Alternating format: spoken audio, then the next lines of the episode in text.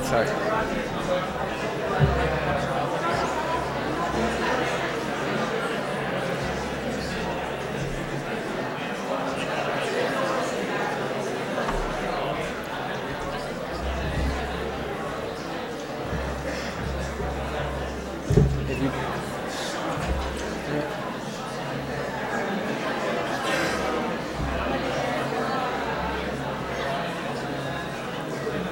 Good afternoon. So we're going to start today's uh, lecture. I'm here to introduce Stan Allen. My name is Daniel Talesnik. I'm one of the six teachers of the Arguments class here at the Graduate School of Architecture, Planning and Preservation. Um, Stanley Allen studied architecture at the Cooper Union School of Architecture and also holds an MArch from Princeton University. From 1999 to 2002, he taught here at Columbia University. As a matter of fact, when he took over the master's program, in which most of the present in this room are studying, the MS in MSc in Advanced Architectural Design, he reshaped the curriculum and began to teach the secondary class of the program, Metropolis. Uh, by the way, there were only 36 students in the AAD at that time. Um, since 2002, he's a faculty member at Princeton University, where he's the dean of the architect. He was the dean of the architecture school for 10 years. Regarding another aspect of his career, after working for Richard Meier in New York and Rafael Moneo in Spain, he established his own practice, SAA slash Stan Allen Architect, and his build work includes galleries, gardens, and a number of single-family houses. From 1999 to 2003, he worked in collaboration with James Corner in field operations. So, this is our second installment of our talks on books. A couple of weeks ago, we had Amale Andraos presenting on 49 cities. Stanley Allen is here to today to talk uh, about a book he published last year, and he co-edited it with Marc McQuade. The book stems and takes its name from the 2009 Landform Building Architecture's New Terrain Conference uh, in Princeton University. We can see throughout Stanley Allen's trajectory a consistent attempt to grease the wheels of our discipline. As a teacher, faculty member, dean, designer, and theorist, he is constantly attempting to push the boundaries of our field. His theoretical production has added to our lexicon such concepts as field conditions and the thick 2D. And this new book will most certainly put in circulation the concept of landform building. So, welcome, Stan.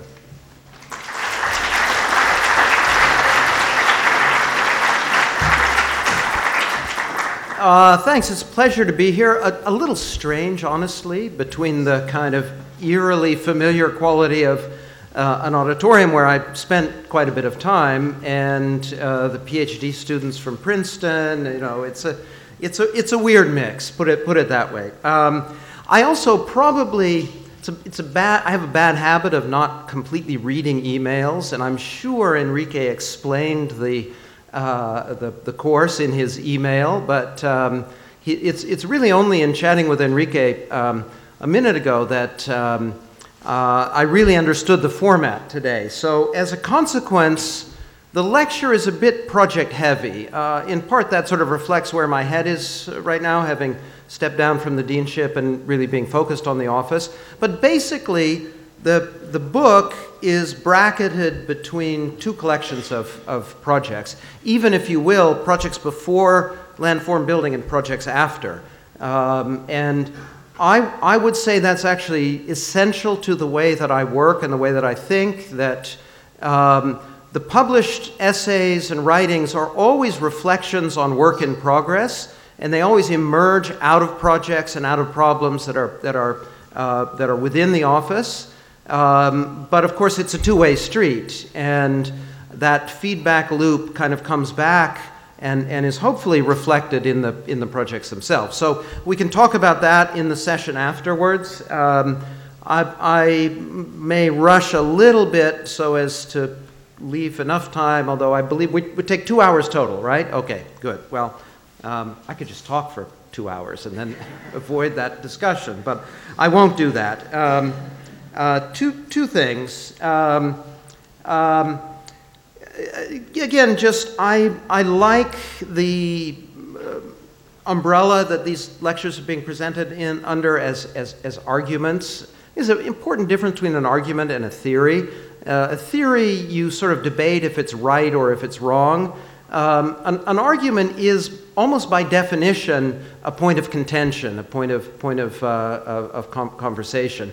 And I think also the notion of arguments leaves, it leaves room for multiple, multiple viewpoints. Uh, it, it, it, has, seems to me it has something to do with the, the T.S. Kuhn idea of a, of a kind of research project. I may or may not agree with some, let's say, some of the other people who are, who are presenting, um, but that's their research project. This is my research project, uh, landform building. And it's, it's not so much that one thing is right, the other thing is wrong, but rather that uh, it, it, has more to do with the internal consistency and logic of, of, of the individual argument. And also, it seems to me, the, the kind of the, the, rhetorical strategies of argument themselves. That is to say, you lay out certain evidence uh, in order to, to convince someone. So, the, the chief argument here, beyond the, the title landform building, is this idea of a geological turn. Um, so, if you have read the, the, the introduction to the book, um, there's an argument that I make here that the dominant metaphor in our field over the last 20 years has been biological. And um, in suggesting a geological turn, it's not so much that I think have to, we have to turn our backs on the biological. It's, it's really more, I, I think the best description of this is Manuel de Landa in his book 10,000 Years of, uh, of Nonlinear History, where he talks about three strata a linguistic strata, biological strata, and a geological or a mineral strata. So that, and again, it's not accidental, it's a, biolog- it's a, it's a geological metaphor to introduce the notion but the idea that strata are, are layered and uh, you can move back and forth between those layers. So it's not a question of giving up the biological for the geological, but rather shifting our attention to another one of those uh, strata.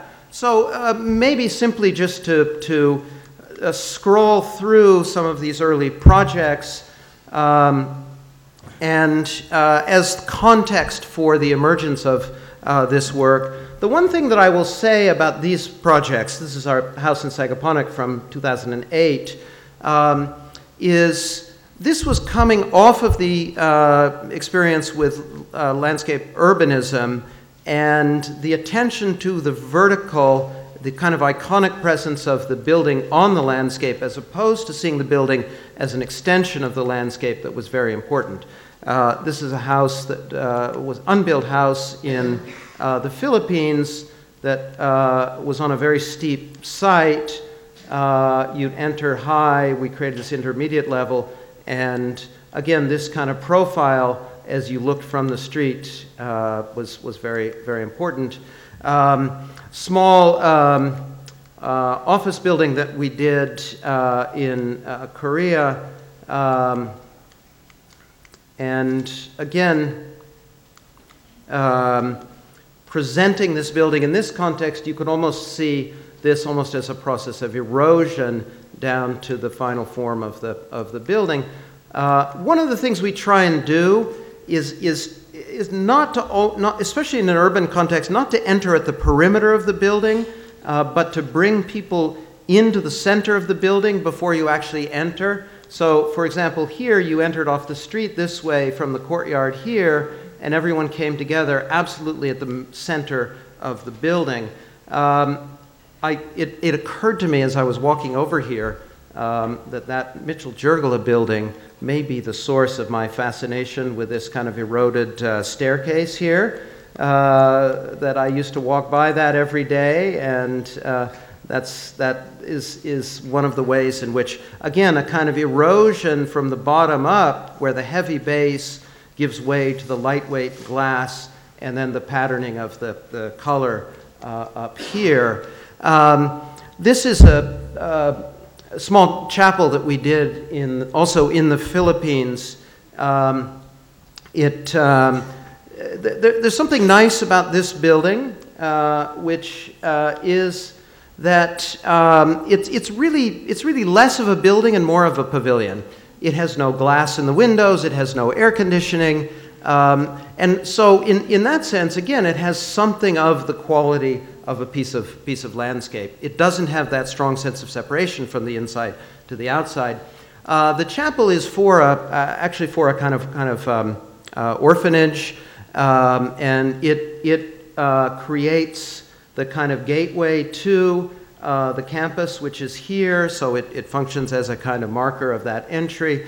And one of the things that was very important, uh, because many of the children are, are disabled, was, was again to really minimize the difference between inside and outside. So it's a, it's a single line, really, which is bent back on itself. It's kinked um, uh, for uh, uh seismic resistance, uh, loops back on itself, and creates the, the vestry by turning back on itself, and then leaves these very large openings here. And the paving on the inside is exactly the same as the paving on the outside. Um, when it rains, the rain comes right in, you sweep the water out. So the interior has the feel of being continuous with uh, the, the, the, the, exterior. Um, and then the light is always brought in uh, um, indirectly, uh, working with the thickness of the walls to kind of filter and, and break the light, um, as I think is appropriate in the kind of tropical climate for uh, that, that building. So um, now this work with smaller scale public buildings was taking place at the same time as we continued to develop the work that had initially uh, had its start in, in the collaborative work that I did with uh, Jim Corner, uh, late 90s and early 2000s. And I'm, I'm only going to show one of these projects, maybe really very quickly, in part to establish the context out of which the arguments around uh, landform building emerged. Because it's, it's really impossible to talk about landform building without talking about landscape urbanism. And uh, that relationship of both dependence and difference between landscape urbanism and landscape architecture. Uh, sorry, land, landscape urbanism and landform uh, building. Uh, this was a master plan for um, a, an abandoned municipal airport in the city of Taichung, uh, an hour uh, south of Taipei on the high speed railway. You can see the historic center of the city here. It grew radially. The old airport was, was subsumed by the city. They moved out to a new one leaving a 240 uh, hectare site about as close as you could possibly get to a tabula rasa in the present day. Um, now, uh, part of the, log- I'm not going to go into detail on the project, but part of the logic here was strategic, that we knew that the city could control two things. They could control infrastructure and open space. The city couldn't really control the built space. So basically, our attention went primarily into the design of the roadways in the park with the idea that the city would grow in to define that figure uh, over time. And that would give the project an intrinsic uh, flexibility depending on what happened over the possibly 10, 20, 15, 15 or 20 year period of, of, of, realization. Now, at the northern end of the site, there are a series of large scale uh, architectural pieces. Um, that create a kind of gateway and utilize, again, almost more of an infrastructural language. Uh, but that basic separation between it, it, coming off of this famous, actually, quote by Rem Koolhaas that you can't control the, the, the built, you can only control the void. Um, and as I said, that means that uh, the city that grows in can only be loosely controlled and in fact, it's controlled through more conventional uh, uh, strategies such as typologies and design guidelines and so on. This is that piece, uh, infrastructural piece at the northern end, which forms a kind of gateway uh, which is uh, visible from the highway. Uh, as it goes by. Now, this was a kind of, I think, a kind of key project that, that took place right around the time of the Landform Building Conference, which is that the and, and the, the, the, nature, and frankly, by the way, the frustration of these large scale uh, urban projects is this very long term horizon of implementation. Minimum 10, possibly 15, even 20 years for this entire piece of the city to be, to be built out.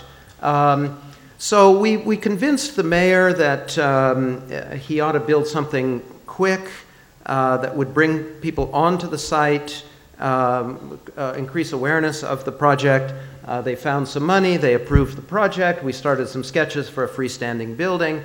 Uh, one of those instances where not having a lot of budget uh, worked in our favor. Too expensive to build a freestanding building. Uh, it's an abandoned airport. There was a nice hangar that was available. Um, uh, you get a sense of the scale from the tennis court.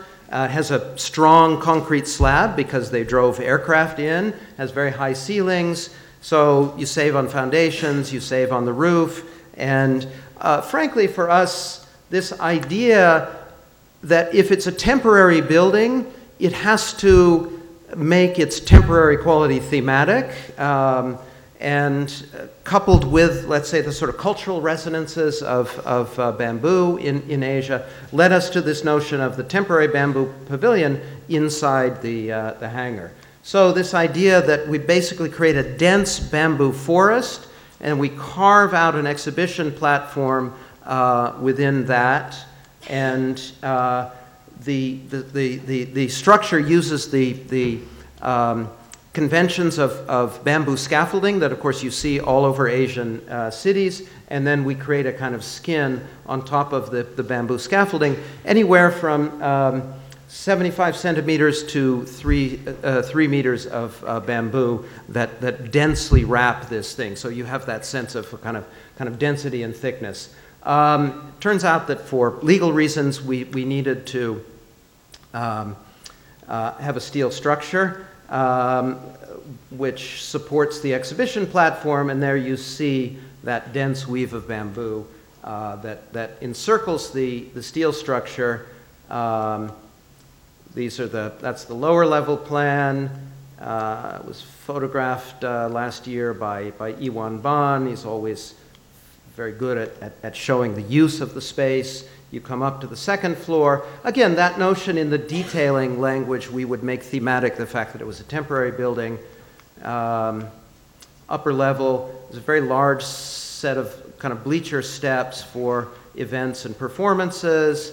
Uh, used a lot with school groups and so on. You see the way it kind of fades into the, the existing ceiling, uh, and then the, the, even though it's quite a large scale piece, the, the, the bamboo has this, this rather intimate uh, quality.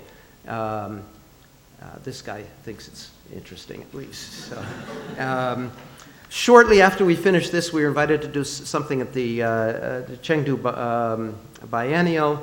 Um, and we basically built a very small version of it. With, with, with biennial pavilions, one of the things that always bothers me is the, the uninhabited quality of these things, that they potentially become kind of big sculptural uh, objects. So we, we wanted our pavilion to be inhabited, so uh, we, we, we created an aviary, and native bird species lived in the, in the pavilion over the course of the, uh, uh the time that it was up for the, for the biennial. All right, well, um, so let me, let me briefly lay out the context of landscape urbanism and the, these projects essentially give you the sense of the, um, uh, the, the, the, design work that was happening in the office at the time that these ideas about, uh, about landform building were kind of cooking out of the stew of uh, landscape uh, urbanism. A um, couple of, well, I don't want to, we, we can get into some of this later. Landscape urbanism is quite interesting um, because it, it, it, really did emerge from the schools. Uh, landscape urbanism uh, came out of conferences, competitions, books, and essays uh, before there were really a kind of collection of practitioners of landscape uh, urbanism. And a uh, consequence, of course, there's a very uh, complete literature of landscape uh, ur- urbanism. So it's, it's an interesting instance, I think, of the theory practice relationship and that, that um, back and forth between. Um, speculative work, written work, and work in the, in the field. Now, landscape urbanism, in a sense, emerges out of the dilemma posed by these two pictures.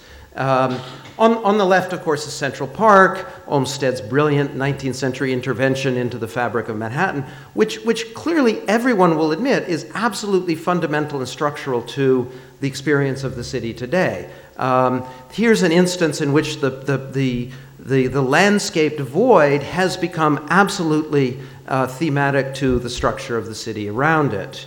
Um, now, by the 1980s, landscape architects were kind of reduced to this kind of thing. um, I don't want to beat up on Martha, Martha Schwartz, but you know, the notion that, that the, the job of the landscape architect is to kind of put some green in front of a banal office building.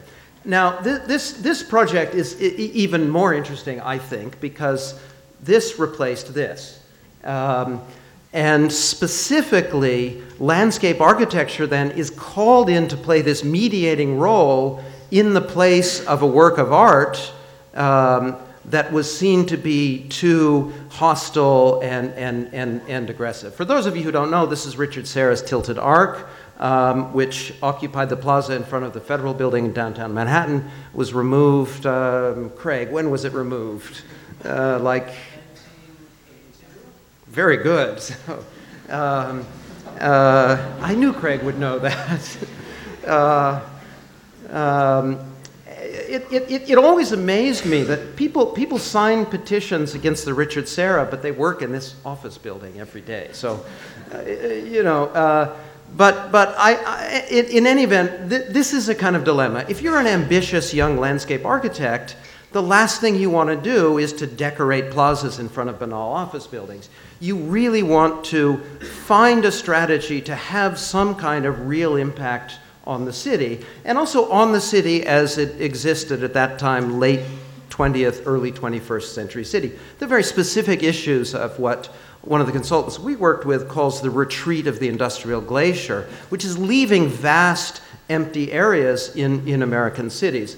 Uh, landscape urbanism, I would argue, is a specifically American phenomenon. Uh, it's particularly well suited to the extended horizontal field of the American city, a field which, on, on, on the one hand, is made possible by embedded infrastructural systems, uh, the, the, the interstate highway system that makes the spread out field of Los Angeles uh, possible, but it's also porous to nature uh, the, this, this particular version of the American city. So, landscape urbanism's focus on the presence of green space and nature as a kind of structuring element within the city, uh, I think became very, very important. Andreas Gursky's photograph of Los Angeles uh, there. Now, this also coincided, and this actually probably does bring a kind of Columbia history from the 1990s to bear it coincided with a, with a period in which architects were becoming fascinated by uh, complex curvilinear surfaces. Um, and I, I, would simply suggest that there's a kind of visual fascination. Uh, Frank Gehry's Vitra Museum was, was like 1989, so it was right at the beginning of that period in the 1990s. Um, and uh, somewhere I have some computer surfaces. Um, but I would also argue that, that the landscape urbanism surface was, a, was an important counter to the use of the, to the proliferation of curvilinear surfaces in the, in the early computer work in the, in the ni- 1990s. That is to say, in the landscape context, the surfaces are always uh, performative um, uh, and uh, not, and they have, they have density and materiality. So, uh, but of course, there, there is a similar preoccupation with a kind of language of curvilinear form. So I, I think that you, you could say that a certain generation of architects were fascinated by the, let's say, the expressive potential of curvilinear form, and then another generation looked at that through the lens of, of performance and diagrams. Um, uh, this is um, a still from a geologist up at MIT called Taylor Perron, who, who basically writes scripts that uh, simulate uh, geological processes of, of, of, of evolution. Uh, so, clearly, a key project from that period that, in a sense, synthesized the architectural preoccupation with surfaces and the landscape interest in surfaces uh, was the, the FOA Yokohama Port Terminal competition from about 1995, finished in 2001. Um, and Yokohama is, of course, nothing more than a piece of built landscape. Um, and it's specifically using landscape strategies, warped and folded surfaces, uh, to comply with a kind of infrastructural mandate for the, for the port terminal. Um, now, there were also attempts to take that language, which, well, uh, you know, again, I could, could keep going forever, but you, you know, in those early years at Columbia in the 1990s, Marc will remember this, there were a lot of studio projects for parking garages. Um, there, there's a limited number of programs that single surface can, can effectively uh, uh, deal with. And, and I think you begin to see that in these two examples. Now, uh, MVRDV's Villa VPRO is, is uh, actually more or less um, uh, same time period as, as, uh, as, Yokohama, around 95, finished a little earlier. Um, and part of the, part of the premise of, of the Villa VPRO is that you create a series of landscape like surfaces within the depth of a very um, large office building. It's a, it's a kind of creative company, and that people will adapt the building to the sort of emergent social ecology of work in the, in, in the space. So there's a very explicit kind of landscape analogy operating within an architectural context there. Uh, similarly, with, with uh, Diller Scofidio's, I don't know if it was Diller Scofidio Renfro by that time, but their Eyebeam competition, where there was an attempt to take the smooth connective properties of the single surface and fold them up into something that worked in in a kind of dense urban context and had the vertical kind of iconic quality. Uh, you know, it would be easy to collect many other examples, but this is somehow a kind of definitive uh, one. So, all of these speculations uh, by the late 1990s, the, the term landscape urbanism first appeared in 1998, coined by Charles Waldheim with credit to Jim Corner, uh, really coalesced around what I would describe as five working uh, concepts. Uh, first of all, the ambition towards the infrastructural scale, not to be satisfied with landscape architecture playing a kind of marginal role, but in fact to use, uh, it, in some sense, you could say that, that, that they capitalized on the marginal status of landscape uh, architecture, even the uh, what Deleuze and Guattari would, would call it status as a minor discipline, to make it a kind of synthetic discipline that could operate uh, among all of the, the other, other disciplines. So, ambition to the infrastructural scale, attention to surface and pattern. I've talked a little bit about the notion of program and event, um, that um, landscape architecture uh, offers a kind of model for indeterminate open ended programming. Um, the, the notion of change over time in landscapes, and of course, anytime you're talking about landscape, the, the, the tension between the natural and the artificial. Um, to take those, in a sense, in reverse order, there's, of course, a long history of this fraught relationship between nature and culture, even a pristine landscape like this uh, in, in the late 19th century when uh, the, the, the, the, untouched uh, nature of the West, of course, of course, is framed by by the, the, the, the, gaze of the, of the photographer, by the machinery of photography uh, itself. So that, that notion of there being a kind of untamed, pristine nature out there uh, really becomes a kind of myth. And of course, the corollary to that, around the same time, um, Central Park is, is, we think of it as a piece of nature, but it's a, it's a it's a civil, piece of civil engineering, basically. Um, it's a completely constructed landscape. This is Central Park under construction. Um, it simply uses different techniques. Um, the, the uh, landscape, I think, one of the most important lessons in landscape for architects is this notion of change. Now, of course, there's the kind of obvious things like, like the daily change or, or, or seasonal change. Um, this is the Asplund and Lewerentz uh, uh, Woodland Cemetery, which I actually visited for the first time last year. It's really extraordinary uh, landscape. Um, but I think more significantly, um, the uh, ecological processes of succession as a model for change in architecture and, and urbanism. Um, Central Park, just to continue to use that example, um, has a yearly maintenance budget of $150,000 per acre. $150,000 a year per acre to basically maintain it in a steady state. Now, a lot of ambitious and interesting young architects said, well, what if instead of maintaining our landscapes in a steady state, you actually trigger process of, of change and succession in, in a landscape? And that the city too changes uh, over time in processes that, are, that, are, that have a kind of parallel to, to uh, ecology and evolution. This notion, again, that the extended horizontal surface is a kind of um, privileged uh, territory for open-ended indeterminate program programming, uh, programming that can be steered in certain directions but not scripted uh, directly. Um, and then finally, again, to reiterate that, that, that notion of the surface as a kind of performative um, uh, entity. Uh, Jim Corner used to say, I suppose he still does say, that, that you, you, you need to look at the landscape through the, through the eyes of a farmer. So that just as a farmer intuitively knows where the wet areas are, how the different sun exposures will, will, will affect the, the, the, the, uh, uh, the way that, that, that the landscape supports life, uh, we, could, we can start thinking in, the, in, in similar kind of terms. So that in one of the, the first project that Jim and I did together, uh, that we, we very consciously kind of, kind of um, sculpted the landscape to, to create those kind of performative surface conditions. Um, and again, to bring it back to architecture, uh, uh, again, right around that time, um, projects that, that came very much out of the kind of Columbia context of the 1990s. This is Reiser Umemoto's um, West Side project from about 97, 98. Um, and uh, again, you see that, if you will, almost kind of agricultural furrows brought up to the scale of a large piece of urban uh, infrastructure.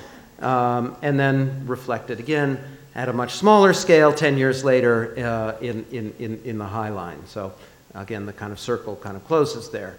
Um, and, and finally, to mention that, that infrastructural scale, the notion of seeing the city in terms of speeds, um, of speeds of movement, pockets of, of stasis, the analogy between that and large scale network systems, um, and, and of course the, the, the, way in which infrastructure works in, uh, in, in, a network fashion as well. Um, I, I would argue, and again, this is a question of kind of setting the stage for the landform building material, but um, that um, I, I think there to go back to that notion that, that beginning around 1998, you had conferences, you had books, you had competition projects, you had speculative projects, um, all around the theme of landscape urbanism. By 10, 12 years later, I, I think you have two definitive built projects in landscape urbanism, one of which is the High Line. You're all very familiar with that. And Manfredi and Weiss's uh, Olympic Sculpture Park in uh, in Seattle, uh, both, both of which work with uh, pieces of infrastructure, both of which um, have, have had a very strong effect on uh, the, the, the, urban context surrounding them. Manfredi Weiss kind of reconnecting people to the, to the, uh, to the waterfront. You see the train line here, you see the highways here. Um, and, and again, using very specific language of, of, of, warped and folded surfaces to accomplish that, that, those series of connections. All right, um, so that's essentially what got us, me, to the speculations around landform building and the conference that took place at uh, Columbia, uh, Columbia, it's already happening, at Princeton in um, 2009, and you can see the people who were involved in that original conference, and then was developed over the course of two years um, as, a, as a kind of freestanding book. The book was by no means a kind of snapshot of the conference. Certain people were left out, certain people were added. Um, and one of the things I think that was important to do was to create a kind of conceptual structure for the work that's, that's, that's in the book. I would describe the book in many ways as a kind of curatorial project that um, we, we needed a kind of working structure, conceptual structure, uh, that would allow us to uh, present a series of projects, art projects, uh, historical projects, contemporary projects. All the projects we featured were from the 21st century, so our cutoff date was, was 2000. Um, and uh, here you can see uh, that, that, that again, that, that, that mutual, that relationship of dependency on the one hand, but also moving beyond landscape urbanism uh, and landform building. So uh, the, the, the, infrastructural scale gets translated as the notion of the megaform, questions of surface, the preoccupation with connectivity, uh, indeterminate program, process and change, and then uh, really just simply mirroring the question of the, of the natural and the artificial. So we have four working categories Um, one which, uh, which, which really, you know, look, this is a book with the word building and the word form in the title, so we're not shying away from form here. Uh, uh, so we, we, the, the, the first one uh, really does look at those projects where, where the building mimics natural form. Uh, the second one looks at the problem of scale. The fourth uh, looks, these are actually out of order, uh, the, the, the, notion of, of, of, the vast interior and the interest in atmosphere, and finally the, the, the question of fabricating terrain. Um, so I would say very, very briefly, there were sort of three um, uh, motivations to uh, look at um, uh, landform building uh, as this kind of curatorial project. The, the first was just very simply the proliferation of uh, landform projects in, in contemporary practice. Uh, I mean, these are, these are a few, but I could easily, I could easily show you 100 projects. And it, it almost became a cliche, the kind of softly rounded mound. And, and, and of course, the desire to integrate the building with the landscape, with green roofs. You see the, the, the very literal mimicking of the form in this, this Toyo Ito project here. These are all quite familiar. I think you know um, Ahmed uh, uh, Nueve's um, um, Mountain of Roses for um, Iowa. The second um, motivation, again, is this larger question of the geological turn. That um, the preoccupation with the biological uh, took two forms. On, on the one hand, uh, there was the appeal to uh, ecologies to change emergence and process. Um, and certainly, this is something which continues to, to, to interest me, but in my mind, hap- uh, operates much more at the scale of the city than it does at the individual building. And then, of course, the, the best developed uh, theory of biomorphic form, of course, comes from Greg Lynn. It's not accidental. His book is called uh, Animate Form, where basically, um, uh, jumping off from the theories of, of D'Arcy Wentworth Thompson and his famous dictum that form is a diagram of forces, um, he uh, has used the uh, digital capacities of, of uh, modeling and, and um, form generation, uh, not not to mimic natural form. I think this is important. That that I mean, so it's not. It's actually. I mean, I, this is again where I think he can claim to be biological as opposed to biomorphic. He's not simply imitating natural form.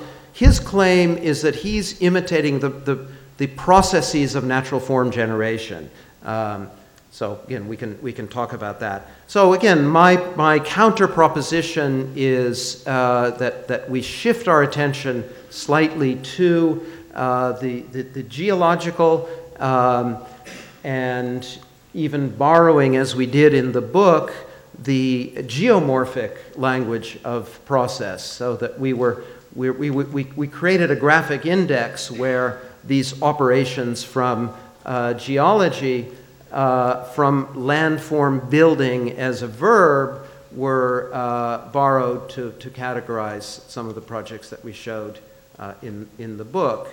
Um, and, then, and then, thirdly, um, to, um, uh, to, to, to, to, to, rewrite the kind of genealogy, uh, in, in, in particular, going back to uh, projects uh, typically from the 1960s uh, Jean Renaudie, these terraced apartments in, in, in, in Paris, um, to maybe, maybe look at some overlooked uh, sources uh, and, and write a kind of longer genealogy of, of landform building.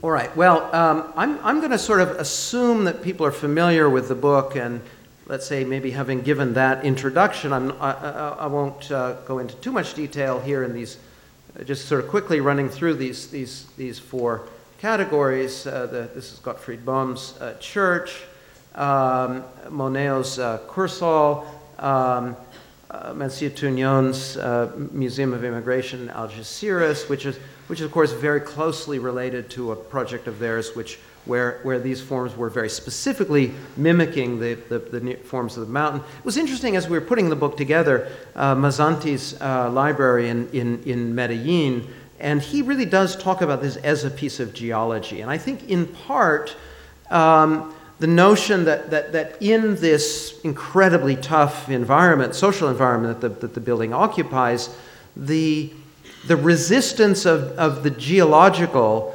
um, as a kind of um, a kind of tough response to that neighborhood that then would, in a sense, kind of create a new platform for the, for the social life of, of the neighborhood becomes a kind of important uh, question. Um, a series of curated um, uh, contributions from, from artists, including a series of found photographs from uh, Tacita Dean. Uh, so all of these were either postcards or photographs, which she found in flea markets in uh, Berlin. She was, of course, she, she thinks in series, so the, the, the order was very important. And, and, and I think an, another thing which for me comes out of these is a kind of, a, a kind of formlessness to the, the, the, the, the, the, the, language of accumulation in, in the ice, um, ice and snow. Um, uh, the, um, as we thought about the large scale, uh, the very important point of reference was Kenneth Frampton's uh, 1999 essay, um, Megaform as Urban, Urban Landscape. And um, that essay was out of print at the time, and so we, uh, we reprinted the essay. Um, and uh, Frampton's megaform is a conscious uh, response to the megastructure. You could see this famous Hans Hollein uh, collage of the aircraft carrier in the landscape. Here, you have, you have a very strong contrast between a technological object inserted into a natural uh, landscape. And Part of the um, claim of the megaform is that you can, you can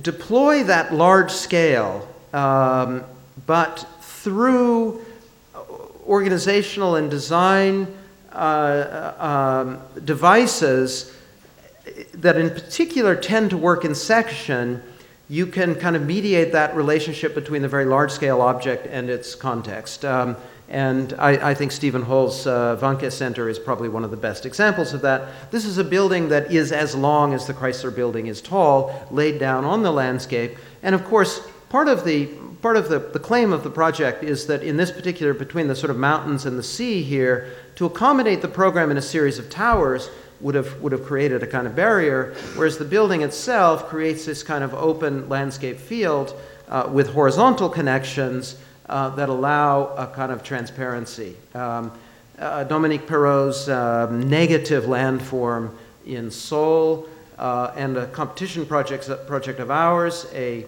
uh, three and a half meter long um, structure that, that spanned between these uh, two artificial lakes. Uh, so a, a, strong piece of structure, but, but a piece of structure that adjusts to the local conditions of the landscape as it moves across this very large site.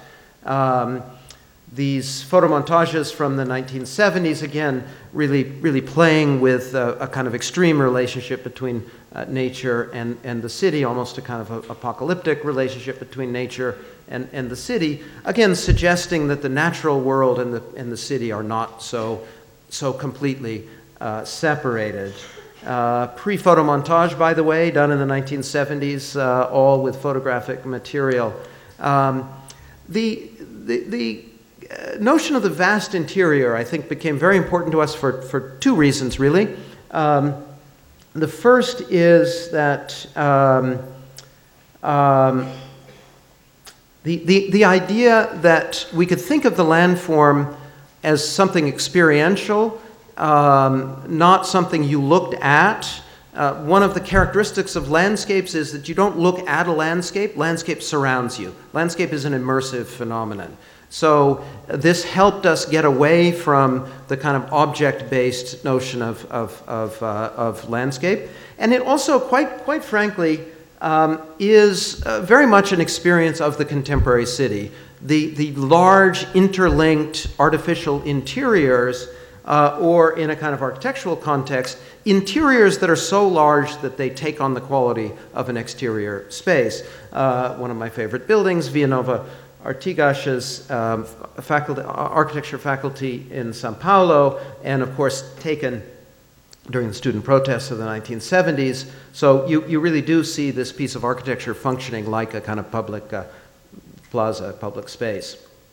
Um, and of course, the, the architect's fascination with the atmospheric from Diller Scofidio again to, to Philippe Rahm.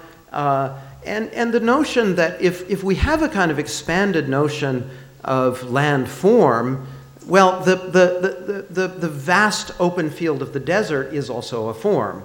Um, and um, uh, we, we again published uh, an out of print chapter from Reyner Banham's Scenes from American Deserta.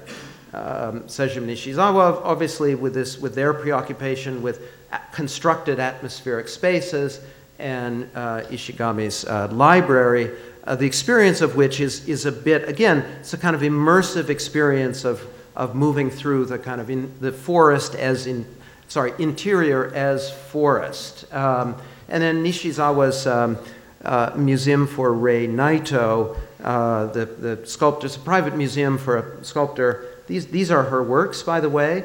Uh, but again, this notion that you could create a kind of exhibition space that was sort of boundless as a kind of counterpoint to her very delicately scaled uh, works. Um, and I was fascinated by the photographs of Walter, Walter Niedermayr. Um, the, the, he, he if, if traditional landscape painting and photography is always dependent on a horizon, he, working in this kind of kind of alpine landscape, that horizon is tipped up to create a kind of layered uh, uh, uh, picture plane, and, and of course always the, the kind of equal co-presence of the of the built uh, and and the, the, the natural and the artificial, and and of course the kind of again the kind of the, the, the, whiteness of the snow as this kind of indeterminate uh, uh, space, which, which uh, I was fascinated with. Okay, and then finally, uh, the last chapter, I thought it was very important in this particular context not to make the landscape architecture connection too facile. Um, and um, uh, to, to, you know, again, landscape architects would be annoyed with this comment, but it's sort of easy to pile up dirt and to shape a landscape. You just get enough bulldozers and you can shape a landscape. Well, to, to build those forms in hard resistant materials um, is, is, is difficult and, and involves a particular set of uh, design, very, very specific design and technical uh, challenges. So, so for, for example, um, a project that Nader Tehrani presented at the original conference for this um, uh, uh, large complex in, in Kuwait, unbuilt, um, where the, the landform is, is, interestingly enough, is in the roof, it's not in the floor. Um, and it's a continuous coffered ceiling, but the geometry of the coffers adjust to each of the, each of the programs over the course of this extended uh, kind, kind of field. So, so again, there's a kind of there's a kind of architectural intelligence that's very precise and working again, uh, um, uh, enabled by uh, digital tools that takes some of the variation and the continuity that we associate with landscape and uh, incorporates it into, in, into an architectural uh, scale. And, and of course, SANAA's uh, uh EPFL uh, is an important point of reference here. But again, we wanted to present this building in a way that it hadn't been presented. So rather than the, the, the, the, kind of usual photographs that the architects publish, we went to the engineers and to the fabrication consultants, um, to Fabian Scheurer and um, uh, design to production, who um, did all of the uh, form work for the, uh, for the building, uh, and to Bollinger and Grohmann, the, the, the, engineers, so that, that you, know, you see the, uh, the, the technological infrastructure in a way necessary to create the kind of smooth landscape forms uh, or you know, to show the building under, under construction. Um, and um, we, we, we showed some work of um, a geologist from Princeton who works with digital uh, visualizers, and then um, friend of mine who runs a program called Land Arts of the American West that did this digital scan of Michael Heizer's uh, double negative. You can see their equipment set up here. Um, I, okay. Um, I'm going to go really, really fast through three projects, and I'm going to show one project a little, little bit more detail so we can leave time for discussion. How does that sound? Um, and we can talk about this. Um, because again, what preceded all of this, in a way, and again, it's, it's Columbia University history, is my own interest in field conditions. This is the, that's the Swedish translation. Um, and um, uh, again, we can maybe get into this in the discussion, but the proposition of field conditions is that you create difference by the accumulation of small scale, small scale differences among a field of elements that are, that are roughly similar. Uh, so it's a production of difference, if you will, from the bottom up rather than from the top down. Um, and there are, of course, good architectural examples, Melnikov um, and, uh, and Le Corbusier. Uh, and then you, it, it, the, the diagram is also important in here, and we talk about that. Okay. Um, this, this I'm not going to show in detail, um, but this is a project where that field conditions notion kind of returned as a strategy to deal with a, with a particular competition brief. Uh, this was an uh, art museum for the city of Maribor in Slovenia, beautifully preserved um, uh, Eastern European city.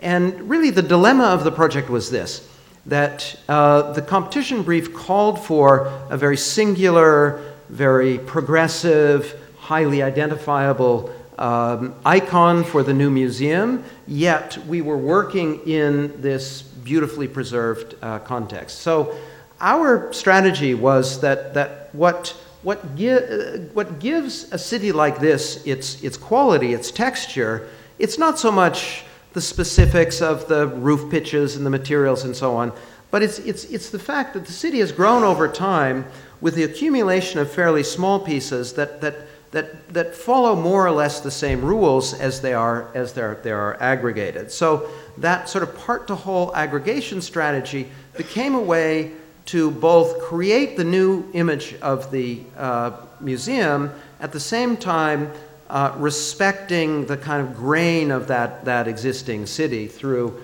uh, a repetition a, a, a, repeated kind of, kind of a strategy of aggregation. There was also a programmatic dimension to that, that, that, as is quite typical in museums, there were large scale public programs, yet the galleries themselves also need a certain uh, modularity, a certain rhythm uh, to, to create the kind of curatorial uh, narrative. So, um, non centralized, expansive systems capable of becoming specific at each point, which was a phrase that.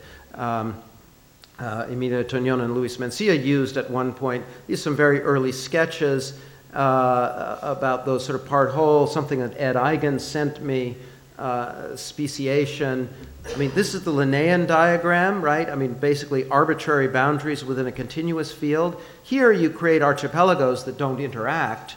And obviously, the two interesting ones are these, where you, you both have uh, specific spaces and locations, yet everything is interconnected. And this sketch was what inspired Ed to send me this, so obviously that was very much in the thinking. So, so uh, the, the key thing here is using those sort of sort of part to whole strategies of aggregation here with a series of units, each of which have an identical plan that, as they're put together, both make a kind of identifiable whole as the kind of image of the institution, yet you can trace back the individual piece and use that to create that relationship without, without a kind of, kind of uh, contextual mimesis uh, with, so that it fits into the existing city without a, a, a huge jump of scale. So I'm just going to scroll through those. The, each, each one is lifted up. You can see the plan is identical. They're all pentagons, and then together they make a kind of continuous lattice. This is way they're lifted up. Galleries above there, lower level, entry, the galleries uh, where you, you have the kind of very active skylights, and then a smaller scale up above.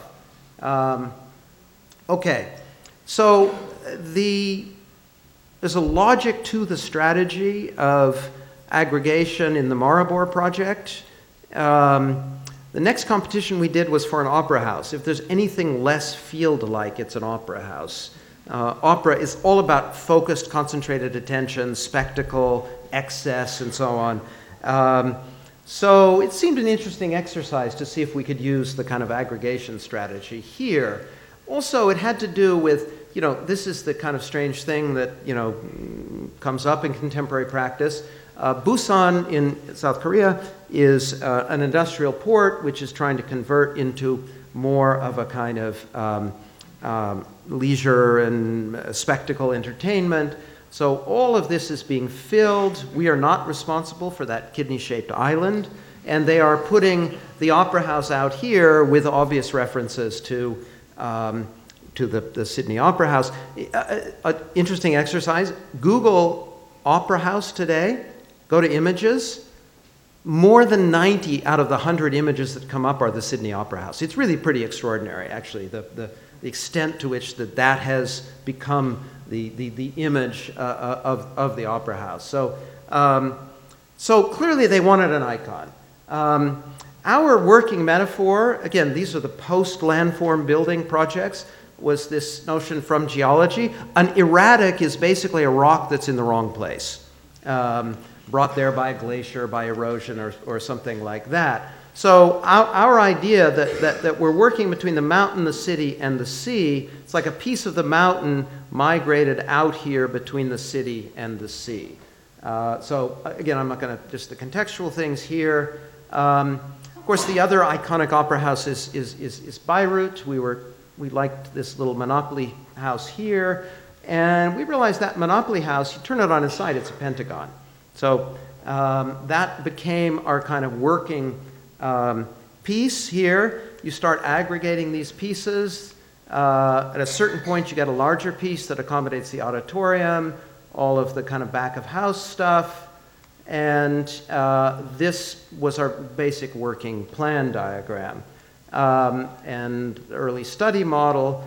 Uh, now, each of those monopoly houses on its side are pulled and stretched and then there's a secondary operation where it's duplicated, rotated, rotated 90 degrees, which allows us to occupy uh, the, the middle zone of the project like this. So, so uh, again, this notion that individual pieces come together to make, in this case, a whole where the parts are less identifiable, but they are still present. So uh, this uh, assembly of our working sketch model, you can, sh- you can see the separateness, the individuality of those pieces, and this operation of twisting that creates those higher up voids, yet the artifact that results doesn't necessarily register that, that part to whole uh, relationship in such an, uh, uh, an explicit way. The other, the other point here is simply that um, the, the, the complex whole that results here is, is a reflection of the com- complexity of the, uh, the program itself. Um, the, the, foyer, and then at the upper level, these occupiable spaces uh, that allow you to look back at the sea or the uh, city. Uh, now, we, we didn't win that competition, which is always a little frustrating. Um, and, but we're building a piece of it. Um, this, this is a house I built um, 10 years ago uh, in uh, up, upstate New York. And we are now, that's the existing house, we are now adding on to it. And you see, this is, is a Pentagon. Uh, it's a studio for the client, and then we're, we're using it as an opportunity to, um, to rework um, uh, the, the, the landscape. But basically, that pentagonal form actually turns out to ideally suit this particular artist because she works with projection. And one of the interesting things about the pentagon is it's the simplest form that's, that, that, uh, that is a kind of dynamic form. By adding one side to the stable form of the square, you, you destabilize the square, but without, without making it over complex. So uh, here's uh, the, this project. It's pretty much finished. We're, we're, we're waiting on the landscape. Uh, okay, last project, I promise. Um, um, and uh, I told you it was a little project heavy. Um, but, but again, uh, th- th- this is, the, the, excuse is this is the most geological of the projects. So um, this is a competition we just finished um, for it's a strange it's a strange it was an invited competition for um, a monument to freedom and equality in, in, in, Leipzig. They're, they're building these in, in Germany. And they, uh, in, in, in this particular case, it, it commemorates the events of the fall of 1989 in, in, uh, in, in, in, Leipzig. Uh, center of the city, it, it was bombed quite heavily in the war, and our site is immediately outside the kind of first ring. Um, so what, what was at one time a very kind of coherent urban space now looks like this, kind of formless uh, space of, of contemporary uh, urbanity. Um, ringed, though, interestingly enough, by institutions, the Staatsbibliothek and the Neue Rathaus, but then with this piece of, of, of infrastructure running through it. So so it, it actually leaves very little space for a kind of conventional uh, urban response. Um, so the events that it, it, it um, commemorates are, I mean, I have a, a, passage in the field conditions piece where I talk about um, the, the crowd as a phenomena, the, the uh, uh, working off of the, the book by Elias Canetti called Crowds and Power, which is a fascinating uh, read if you haven't, haven't read it. So it is a collective phenomenon. Um, the, uh, the, the, uh, the, the, the, events in the fall of 1989. Um, uh, and the, the question is how to best sort of commemorate that, what kind of icon, what kind of monument um, uh, is, is, is, is appropriate. Now, the, the conventional strategy uh, of the monument from the 19th century, the singularity, the hierarchy, the iconicity of this is something we're highly suspicious of. Certainly, the kind of field conditions thinking was, was, was very much against this. But I would argue, at least in this particular context, the pure field condition, um, which is the, the Eisenman uh, Holocaust Memorial in, in Berlin, is also not so appropriate. That that we, we needed, in a way, to hybridize these two languages the, the, the iconic uh, language and the field uh, language. So, so that was our goal with this particular uh, project. And the kind of working metaphor was that of the kind of stone yard. Um, that uh, between the ruin, um, between the, the kind of coherent piece that has fallen into ruin, and you can see the parts that once made up that whole, or this is Canaletto's painting called The Stone Yard, or the monument that is yet to be built from the fragments. We wanted to create a monument that, that, that had that ambiguous condition. You weren't sure that if it was something that was once built that, that was now, now falling into ruin or something that was in the process of being, uh, being uh, con- constructed. This, it seemed to us, was an appropriate metaphor for this problem of the monument to freedom and, and, and unity even, let's say, acknowledging the potential destruction and violence necessary sometimes for political change, yet at the same time optimistically looking forward to the, the kind of construction of the new state. So, um, so uh, this was the given site, and, and in fact, we could not occupy any of the uh, territory above the, the subway line. Um, and the, the kind of study models here, where this, this notion of creating a kind of a kind of village of forms, a kind of multiplicity of forms. But then, how do we achieve that? We achieve that through a series of operations that belong to the history of the discipline, uh, specifically operations of, of projection and uh, stereo, stereometrics. Um, so we start again with a pentagon. Um, we're kind of preoccupied with that form, which is then uh, distorted, uh, cut, and uh, deform, subtract, uh, deformation, cutting, subtraction, and translation are the four, four operations here. So that in fact, it, it would be possible to completely reconstruct the two initial uh, uh, solids from all of the pieces that are on site. Um, yet, uh, hopefully, we've sort of captured that, that, that moment of amb- ambiguity between a whole that's being taken apart or some new whole that's being constructed out of those pieces.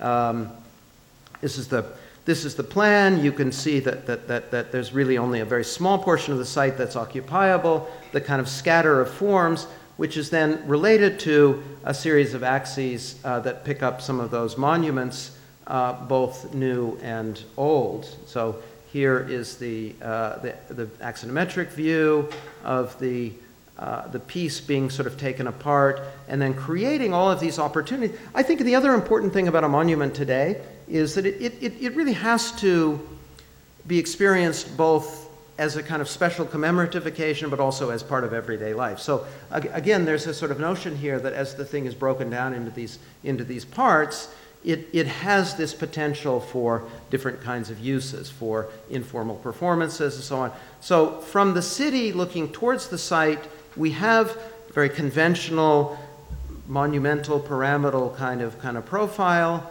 and then um, again, the kind of informality of the pieces close up and local, and then from the city looking, from the site looking back to the city, we, we have a kind of field of, of, of fragments here. Uh, sometimes you can kind of reconstruct those specific operations. Uh, these are these axes, but, but again, that axis is also blocked by this piece which has shifted into the, into the uh, axis. So here, the kind of model uh, collaged into the existing site uh, future buildings uh, proposed here and here. Um, and, and again, as you, as you come up close, of course, this, again, this kind of stony geological language is, is really the kind of dominant language that operates both with a kind of vertical, iconic, monumental uh, uh, image here, yet uh, allows this kind of more intimate, more informal um, engagement with the, the, the, the monument uh, itself. So, so um, that's the last image. Thank you.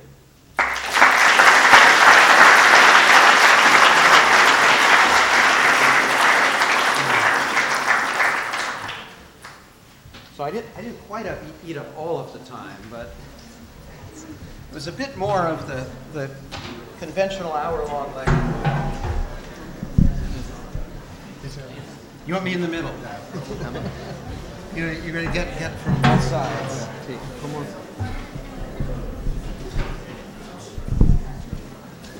You know, I mean, the format that we are following is we begin the conversation. Good. We do the conversation, then we pass on. Sure, sure.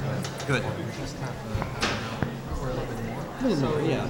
We're going to pass yeah, yeah. We're going to move forward. do Yeah, a short yeah. conversation amongst us Good. and then just pass it on. Good, good. We have a full house, so it's Good. a good opportunity. Well, we had a full house. Yeah, Because it's uh, the mix of the Yeah, yeah, yeah. AUD and also the English architecture program that's running all through July. Oh, okay. Yeah, see, have so some of those kids are really young. exactly. Yes. Yeah. right.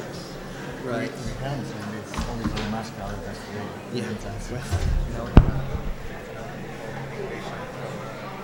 it's countryside tourism. Yes. Right. So it's just Yeah, yeah. where I to. Yeah. Okay. Now, now we're down to the hardcore.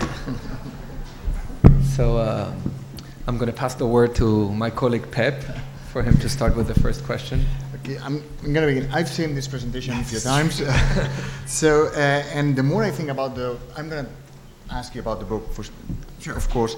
Uh, the more I think about the book, the more I'm surprised about the role of technology within the book.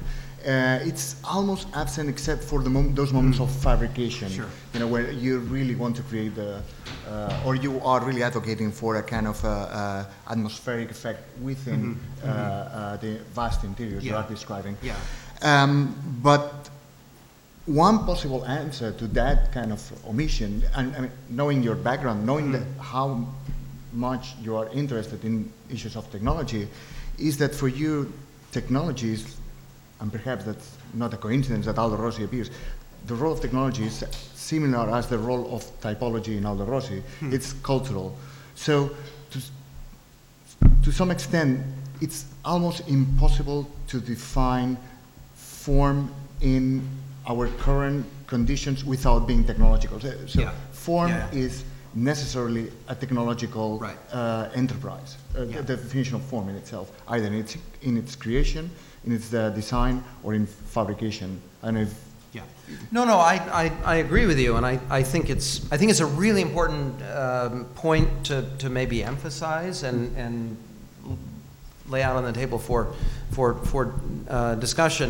And I, I think it, it, it probably operates at at least three different levels. Um, and um, from least obvious to most obvious in, in, in a way. Um, and and the, f- the first is, is really this notion that in this category of the atmospheric, we're trying to capture uh, what is for me a very contemporary sensibility that, that belongs to technology and it belongs to the it belongs to the role of technology in the city and in the way that the, the experience of media and the experience of city in a sense are becoming cl- more and more intertwined and, and in a sense becoming kind of kind of kind of closer.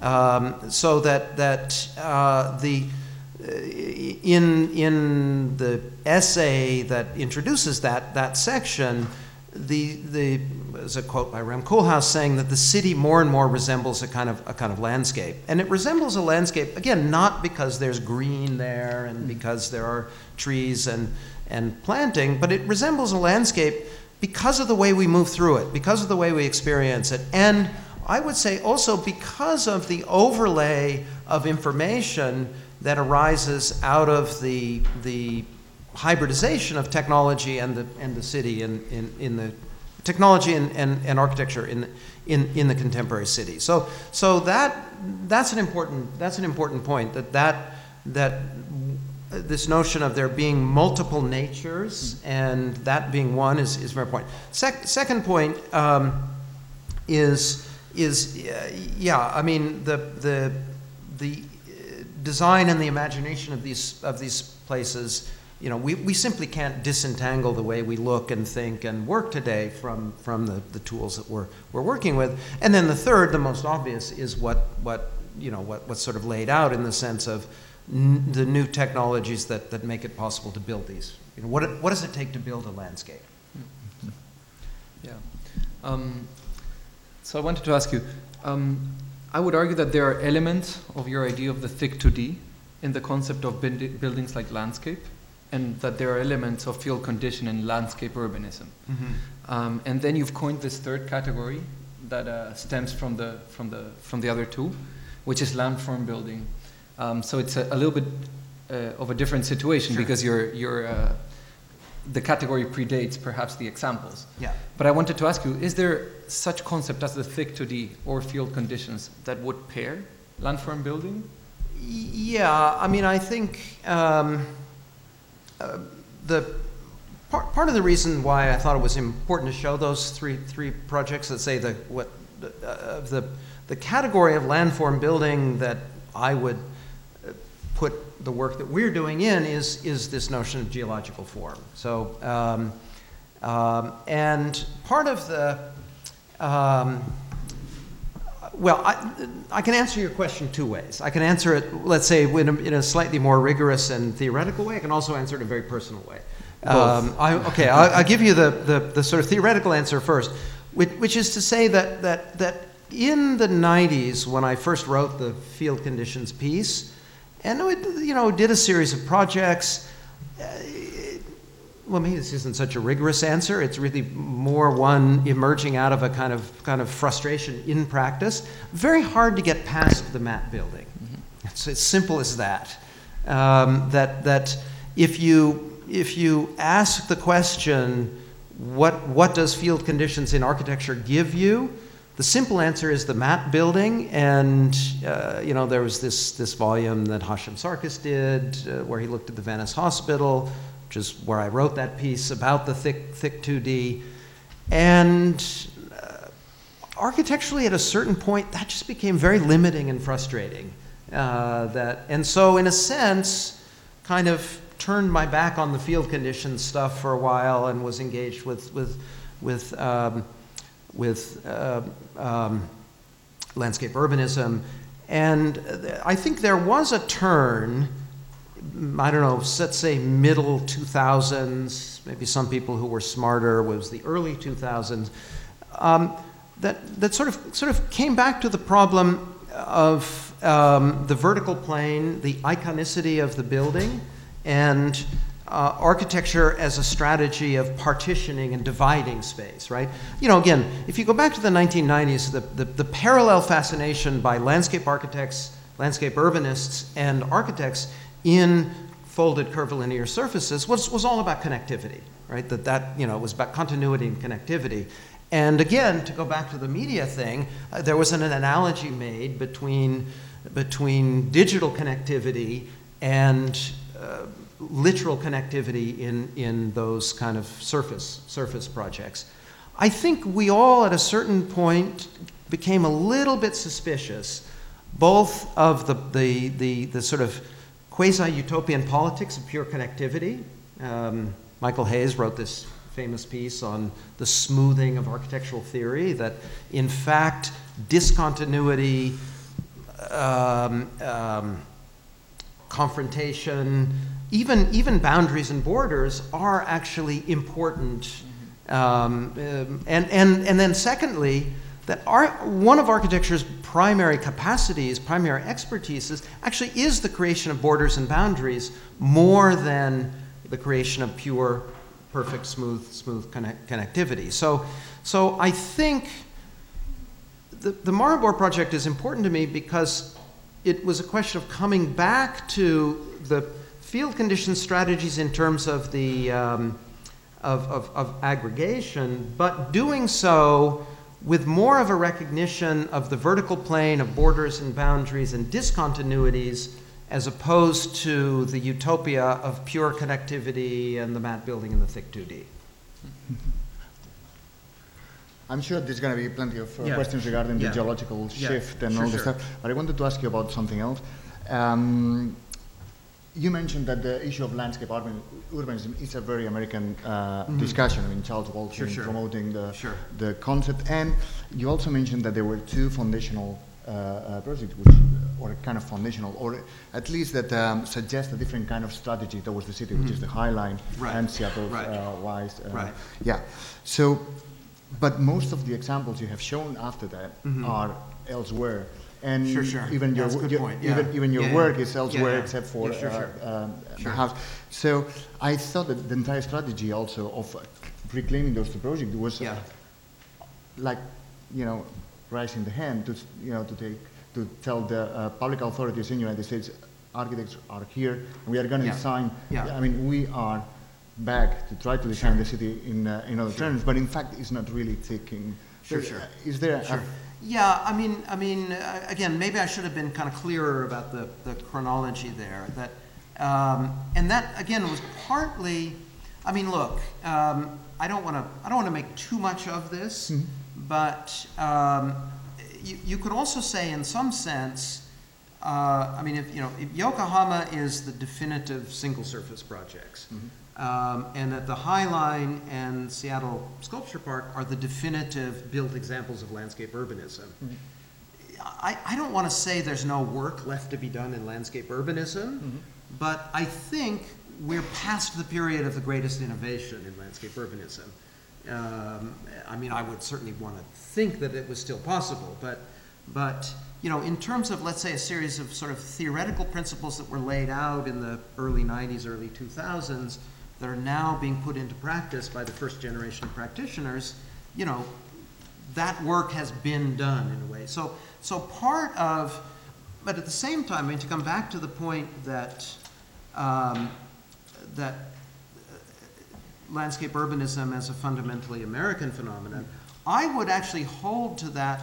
I, I know there are plenty of people who would give you counter arguments. I mean, Adriaan Geuze has, you know, has made very important contributions in the early work. I mean, the, the, the, uh, you know, somebody took me through the, the, the, uh, the, the, the riverfront project on the western edge of, of Madrid. I mean, this is a piece of landscape urbanism, and it's happening in Madrid, right? It's, you could say it's making Madrid a little bit more American almost, but, you know. that's a uh, good point. um, but I would actually hold to the claim that landscape urbanism is, landscape, it's not that it's an American phenomenon, mm-hmm. it's that it's an American version of the city. Mm-hmm. And I, I think what, what you could say, in fact, is that American version of the city is actually now being imported globally. And so that's where the landscape urbanism, land, landform building distinction becomes important, that landform, the landform building was specifically an attempt to, to, to come back to the agency of the compact building and the kind of agency of a piece of architecture within the city as opposed to pure landscape strategies. Does that make sense? Yeah, because Yeah. another way That's, of that's the important clarification that I An- made. an- Another way of asking Pep's Yeah. question is, um, Yeah. with the, co- with the rubric of landform building, you're claiming back infrastructure into the field of architecture, Yeah, which is a way Yeah. of saying, uh, from the, from the single building to the city, not from the city to the building. yeah, yeah, I mean, again, I mean, Pep, I, I guess I mentioned, I didn't mention Rossi in the lecture, but I do mention in the Rossi book, in the, yeah. in the, in the book, and, and yeah, I mean, again, it, it, it, again, maybe just kind of personal history, I mean, that was the period that I went to school, you know, and, and it's, it's pretty interesting to reread Rossi's architecture in the city. It, it sounds pretty, it sounds pretty progressive when you, you know, when he talks about, about, about uh, persistence versus change in the, in the city. It, he sounds very contemporary, actually, so it's worth, you know, so, uh, but, yeah, I mean, look, I mean, again, um, splitting hairs within the landscape community. Um, I think actually part of the motivation for land, landform building, um, in the fall of 2008, I was at a conference in Toronto uh, organized by a guy called Pierre Belanger, who's now up at Harvard, um, on landscape infrastructure. And again, I it was one of those, guys I didn't really read the email very carefully. And I showed up at the conference, and it was mostly landscape architects. Charles Waldheim was still teaching at Toronto at that time. He happened to be out of town. The sub theme of that conference was landscape urbanism is over, it's now all about landscape infrastructure. Now, that's a fairly fine distinction. I'm not quite sure that it's, but um, I, I, I, I think, I think your description is correct. Um, and that, that again, partly is simply that it, it's a, it, it is an argument for reclaiming the disciplinary agency of architecture as opposed to, to the, the interdisciplinary project of, of landscape urbanism. Actu- Actually, in a review of the book, Gillian Darley makes the, makes the argument that in, in your conference, there was no landscape uh, designers. Yeah, only nana- intentionally, yeah, yes, of- of course. yes. So it's kind of the, Yeah, and again, the landscape architects will get pissed off at me, but, but my two definitive examples, I mean, Yeah. you know, uh, uh, Seattle Sculpture Park was designed by architects, and I'm- not gonna get into the battle between Diller Scofidio and field operations, but, Yeah. you know, at least there was a, there were, there were uh, architects involved, so, you know, that's, that's a, that's a different discussion, but, um, uh, I mean, the tools, I would argue the tools are essentially architectural. Mhm. Yeah. I think we should open up the conversation to, the- to the public. Um, so who has the first question? Here.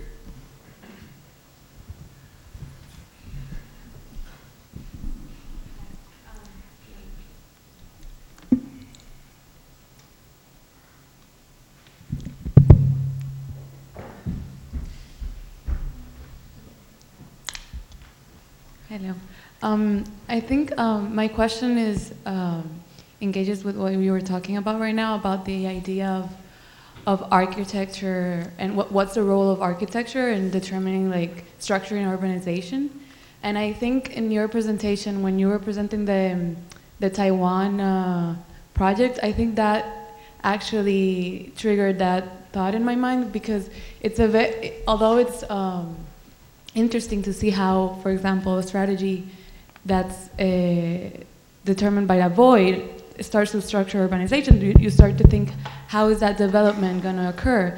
And what's the role of us as architects in terms of trying to determine what are those difference and organizational specificities that we would like to implement in this new sort of urbanization without replicating those conventional like planning devices such as typology as you mentioned so I, I just wanted you to talk more yeah, about this? I, I mean, uh, yeah, the, the, the, the crucial piece there, and you, you know, again, there's a there is a kind of binary in in that um, project that um, it's it's organized around a void, and um, you know, and quite literally, I mean, you know, this is certainly one of the, you know, I, I again, I, I think one of the real kind of accomplishments of landscape urbanism is to recognize the, the, the power of the void as a kind of structuring, uh, you know, that there's no such, I mean, you know, again, you, you could say that this is how landscape architects think. To them, the void is not empty.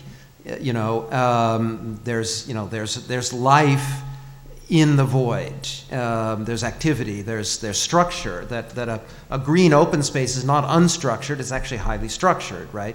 And so, you know, again, this is, this is I think, one of the great lessons from, from landscape arch- architecture. Um, so uh, the, the, the, the idea that there's a kind of structured void and that, that the, the dynamism of the city itself grows up around that, that void, and that also that the, the void can be catalytic, right? I mean, certainly Highline has shown, shown this.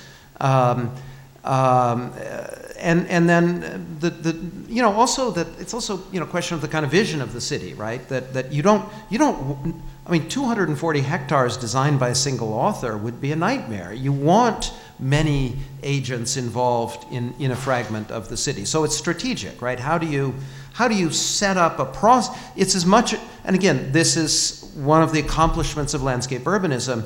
It's as much about setting up the process as it is about the, the final image of a master plan, right? I mean, the, the difference. So, so, but just to follow through on the question, that the, the binary structure of the void and then a kind of very loosely controlled um, urban tissue that would grow up to that is complicated by those large scale buildings at the, at the, the, the uh, head of the park that function at a kind of infrastructural level. They, you know, again, you could even say in a kind of Rossian sense, they're kind of, uh, you know, urban monuments. And, and those are, those are pieces of architecture much more than they are the design of a, of a void. So. Yeah. Hi. Um, so my question is regarding to the book Land, uh, Landform Building. Uh, I'm really interested in what you were saying in the preface that, um, quote, uh, there is a simultaneous and synchronic uh, dissolution of two types, the skyscraper and the large urban park. And you also in your presentation, you mentioned the category of the book that there is a scale, uh, which means megaform. So I'm really cur- uh, curious that do you think that it is a the landform building is a version, another version of architectural uh, ambitious ambition? It's another version of um, architectural ambition. yeah. Yeah.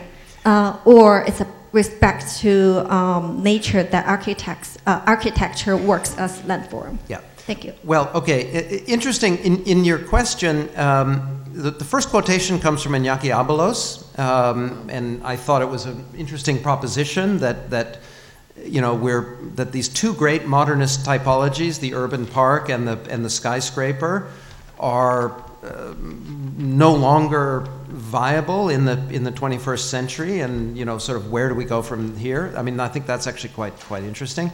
Um, and then the, the, the, second question about the megaform. Um, the, the, the, the, issue is this. I, I, I think that, um, uh, you know, Frampton was, was very specific in, um, in offering up the megaform as a kind of counter strategy to the megastructure.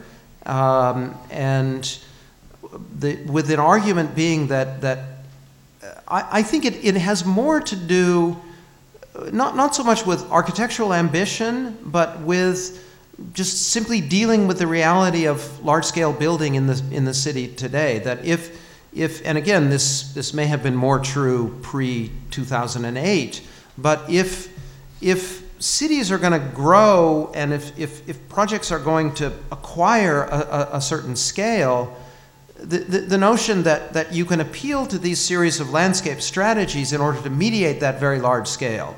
Um, and and in, in, in, in fact, for, for Frampton, it is, it is precisely a sectional mediation, topological, topographic and topological, that, that he says can, can take that, that, that, that scale of construction which is fundamentally incompatible with the traditional structure of the city and knit it back into the city more, more, more effectively. So, so I, I think in that form of the argument, it's really more about mediating the scale of the large pieces rather than, rather than, than exaggerating the, the sort of ambition of those pieces.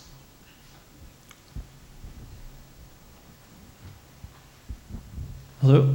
Um, I was wondering, uh, you presented a, the development of form through geological processes, listing a series of diagrammatic actions and presenting past dialectical oppositions like nature versus the artifice. Um, and I was wondering, uh, as we enter a new phase of geology, the Anthropocene, uh, should we look beyond the known geological processes and these oppositions of nature versus artifice? Maybe is there, is there an addendum to the book and some evolution of building form? Well, it, it, if there is, it's probably written by somebody with a, with a better knowledge of, of uh, geology than, than, than me. But um, I think, uh, um, I mean, there's an important point to be made about the, the, this geological turn um, eh, that it, it could be read.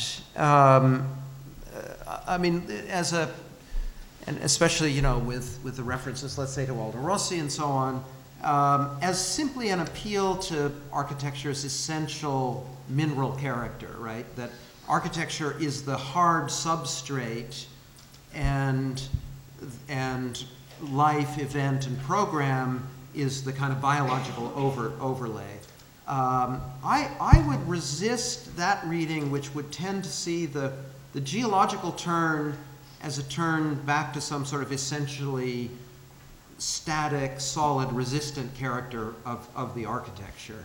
Uh, and I think this relevant in your, your evocation of, I don't know if this is a familiar term, is many geologists argue that, that we need, we need a, a new um, designation for the, for the period that we're in, and they propose this notion of the Anthropocene. I'm not quite sure when they say it started in uh, sometimes in the Industrial Revolution, but, but essentially the scale of man-made intervention on, on, um, on the geological substrate has, has reached the point where it, it, it needs to be recognized with uh, a new geological era, hence the Anthropocene. Um, and that, to, that, the implication in that term that the that you, you, you could say in some sense that the, that the biological and the geological are inseparably woven together and linked up. And so I would argue at least that to suggest a geological turn is not simply to sort of go back and appeal to the, the hard resistant character of architecture as the stable backdrop to, to, to life, but, but to, to recognize that, that the, the main difference between the biological and the geological is simply one of speed that, that biological life changes and adapts much, much faster, but the geology also changes. It just changes more slowly. And that, that somehow that slower speed of change seems like a more productive, for me at least, a more, a more productive way of thinking about architecture. I mean, again, just a, you know, Columbia history, you know, the, we used to, used to talk about the stopping problem, right? That, you know, the kind of um, the, the, the, the Maya animations, or even before that, Softimage animations that were used to generate form in the studios upstairs at Columbia, the question was always, where did you stop, right? And Greg Lynn's answer was, well, you stop when it looks good, which is probably a pretty good answer, by the way. But that notion that in, in the Greg Lynn project, you're not looking at an, you're not actually looking at animate form, you're looking at snapshots of animate form. Um, and so, in part, by appealing to the slower speed of change and these geological operations, it's, it's recognizing again that, that kind of slowness. Um, so my question is pretty general, but I think it's important um, for any architecture or ideas of architecture. Um, so what do you think landform buildings do to the, the development of cities and why is it so important? Yeah, I, again, I think in, in to, I'll give you a general answer to a general question, uh, which, which is that, um, you know, I think the great challenge of the 21st century is to, is to, is to reintegrate nature into the city. And, but I think we have to do that in a way that's, again, is not the kind of cliched way that simply planting more trees and having, having more, more green. So, so we need, we need sophisticated ways of thinking about the way that, that the, the city of the future will be some kind of hybrid of nature and, and, and culture.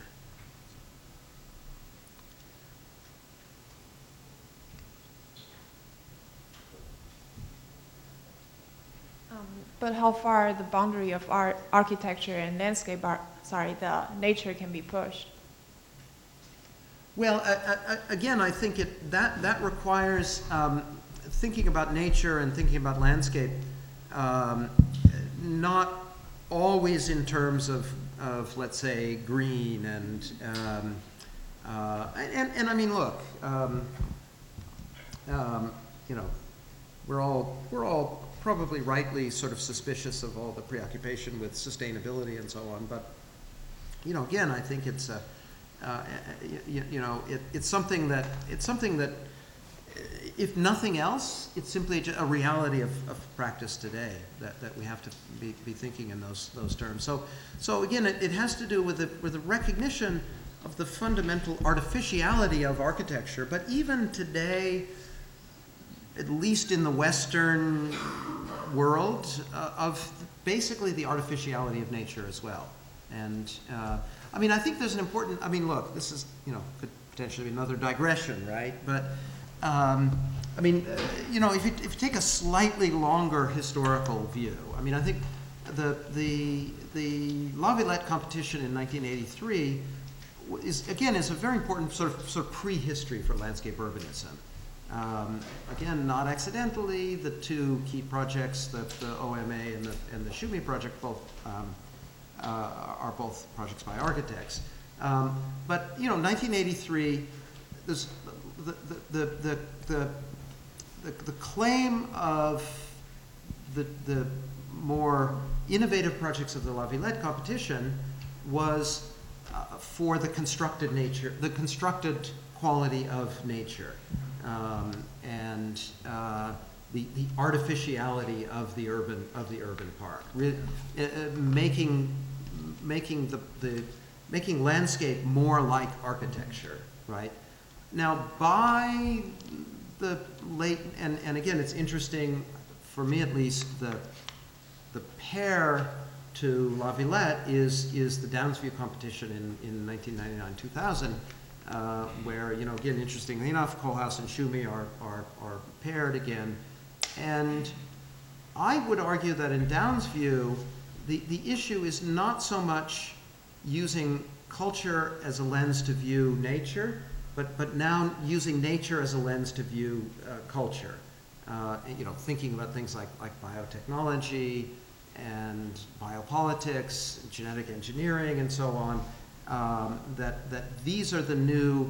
Now, now, when you talk about genetic engineering, you're working with nature, but you're, you're working entirely within a kind of kind of artificial uh, environment. So that line, and and you know, many many people have written you know uh, very much more sophisticated terms about these these these these issues than I have. But it's simply to say that the line between uh, natural and artificial today is, is, is almost impossible to, to, to fix.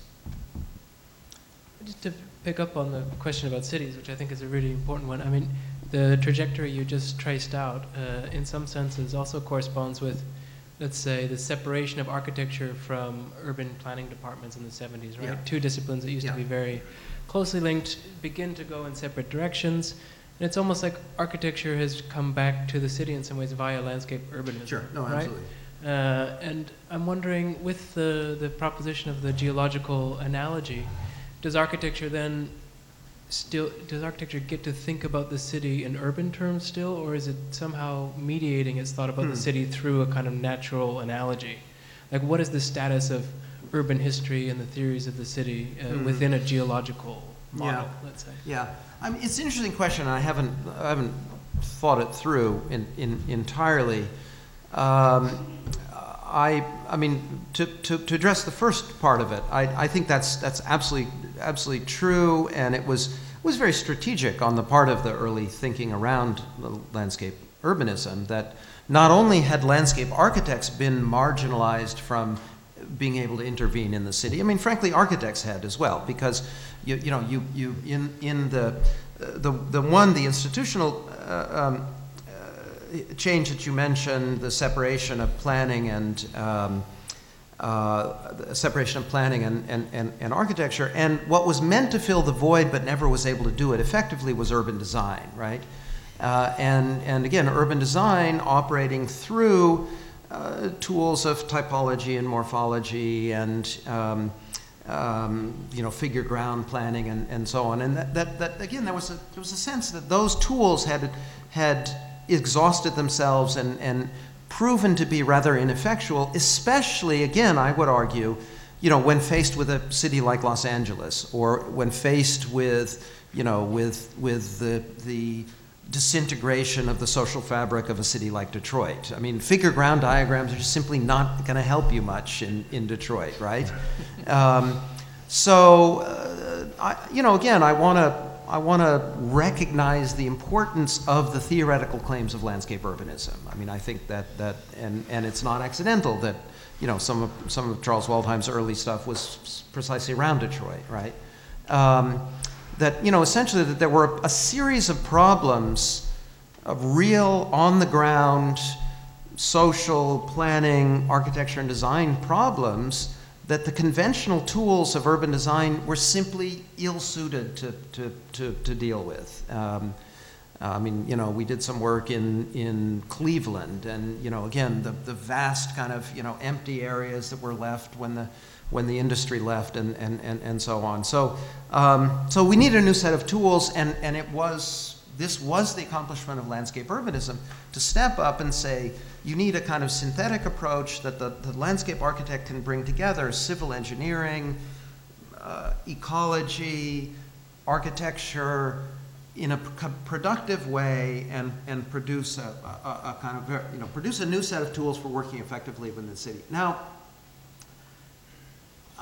I think the, the fault does not lie with the theory. The fault lies probably more at the institutional level and with commissioning agencies. That, uh, you know, with the exception of a couple of, I think, the examples that I mentioned, but even those, um, the, the, the projects of landscape urbanism are basically large scale urban parks. The urbanism part of landscape urbanism, that ambition hasn't actually been, been, been realized. Um, so I think partly the turn back to a, a, more architectural scale of working implied in, in landform building was a recognition of that, of that fact. Now, whether it's the answer to that problem, I, I'm not sure I would, would go that far. And I think, I think partly it, it, it, is, it is precisely, you know, I, I mean, again, I, I think if, if you work um, within the contemporary city, you, you, you, can't, you can never entirely, I would argue, leave behind some of these questions, let's say of typology and, and, and, and so on. So, um, so what exactly the kind of tension would be between, say, landform building and typology, you know, I mean, the, the Mazzanti library, for example, has absolutely nothing to do with conventional typologies of a library. Um, and so that's an interesting question. You know, is it an effective urban intervention? Is its effectiveness have more to do with the programs that the mayor of Medellin put into place? Or can you trace it back to very specific formal organizational and design moves in the project? I mean, I, I, I don't know the answer to that, but, but, in, but you know, in that particular example, you could almost say it's an anti-typological project, but it's been quite successful in in its uh, social and kind of urban context. Yeah. had a specialistic movement in, in Europe. And all these ideas we have had in the 20s. Yeah.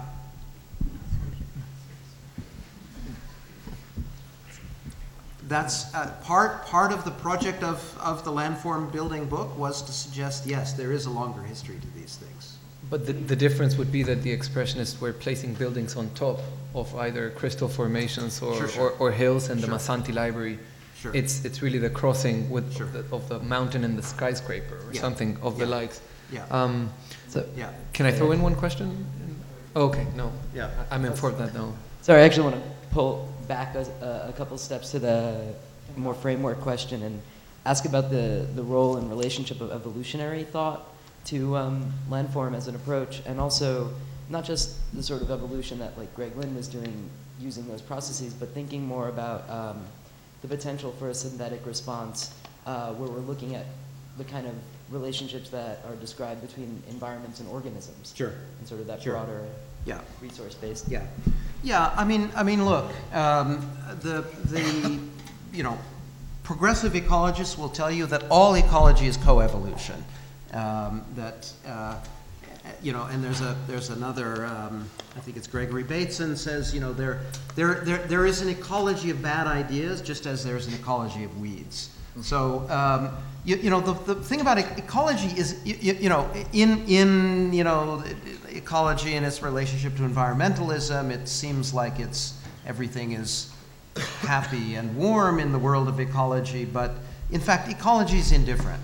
I, uh, and that, that Bateson uh, quotation uh, captures that really, really quite, quite, um, quite well. So uh, again, here I would refer to this, to, to DeLanda's description of these as strata, and you know, you, you, that the, the linguistic, the biological, and the geological exist as these three different strata those strata have an interrelationship to, to one another. And again, they're primarily distinguished by, by different speeds. Um, what's interesting, again, about, I mean, you know, historically, about both evolution and, ge- and, uh, and uh, geology as disciplines that emerged in, in the 19th century is they, they both required us to think, and, you know, even, even the, the current debate about intelligent design, right? But um, but both geology and evolution re- require us to, to think about this kind of deep time scale uh, that, that, that is, is very, very difficult to imagine in, in, intuitively. And, and of course, again, you know, the, the, the, digital tool, genetic algorithms and so on, you see a speeded up evolution, right? So, but, but I think the, the time dimension that's implicit in both evolution and ge- geology is, is an important aspect to that, that the, the deep time uh, embedded in, in, in both.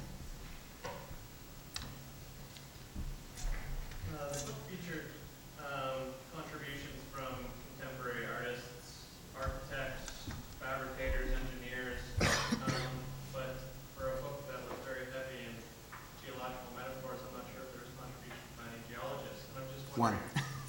there is one, yes. And I'm just wondering, what is the, what do you see the role of uh, the metaphor in? Yeah, that's, uh, that, that's an important question. Um, I, I think with really anything. I mean, you know, again, um, the, I think for me, I mean, we maybe I maybe use metaphor uh, the, um, as a term, um, and it, it a metaphor can be simply a metaphor. Um, I, I think, you know, the, the, the case for example, the argument that somebody like Greg Lynn is not, he, he's, the, the argument that he's not using biology as a metaphor, he's actually using, he's actually simulating biological processes. Um, I think, I think that if you can, you can get a little bit below the surface of the metaphor, it's, it's important. I think, I think metaphors, again, again, at a certain point, we're, we're sort of trained to be suspicious of metaphors, again, because because the metaphor is also associated with the linguistic. Um, but I, I'm, I'm beginning to, to be a little bit uh, more. Uh, I, I, mean, I think, I think uh, the metaphor, to the extent that it's, it, it's, it, it can also simply be heuristic, right? It can be something that's useful to the designer to get to a certain place that he or she wouldn't have gotten to by another means. And that doesn't necessarily mean that, that anybody who, who views the building has to appeal to the same, same metaphor.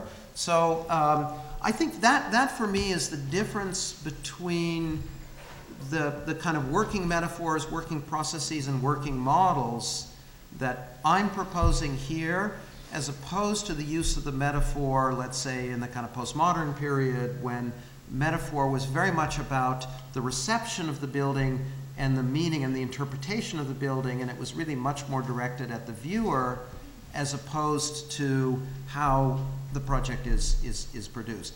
I, I mean, frankly, you know, again, this is the interesting thing about architecture, right? Is that architecture exists out there in the world without the support of its author. And so a building may be produced as a result of a certain set of, set of procedures. It doesn't mean that the people using the building are, are required to understand, buy into, and read those procedures in, in the final form of the building.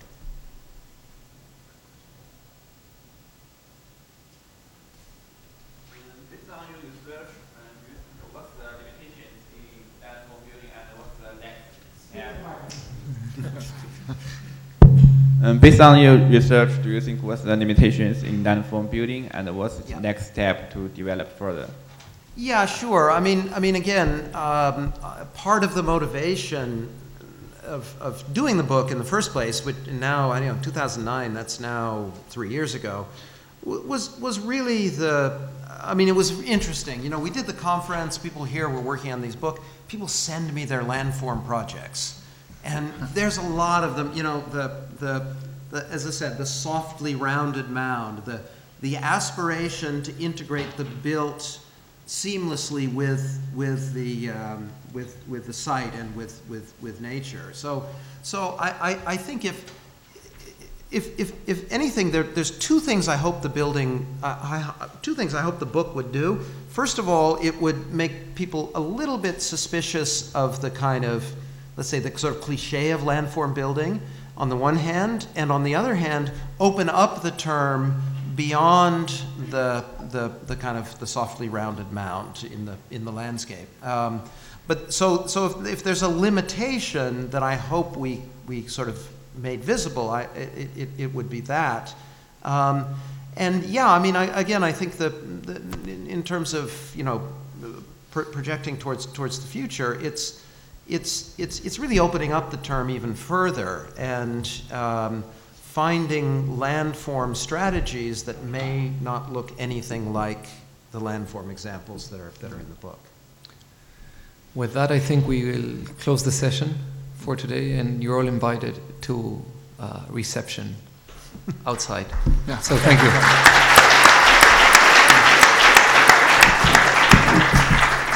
Good enough. Okay. There's an interview of Nadia Sanoso, they asked me so if I can drink later. So, how do you know when to stop? And perhaps the cigar, says, how do you know when to stop? You just do it.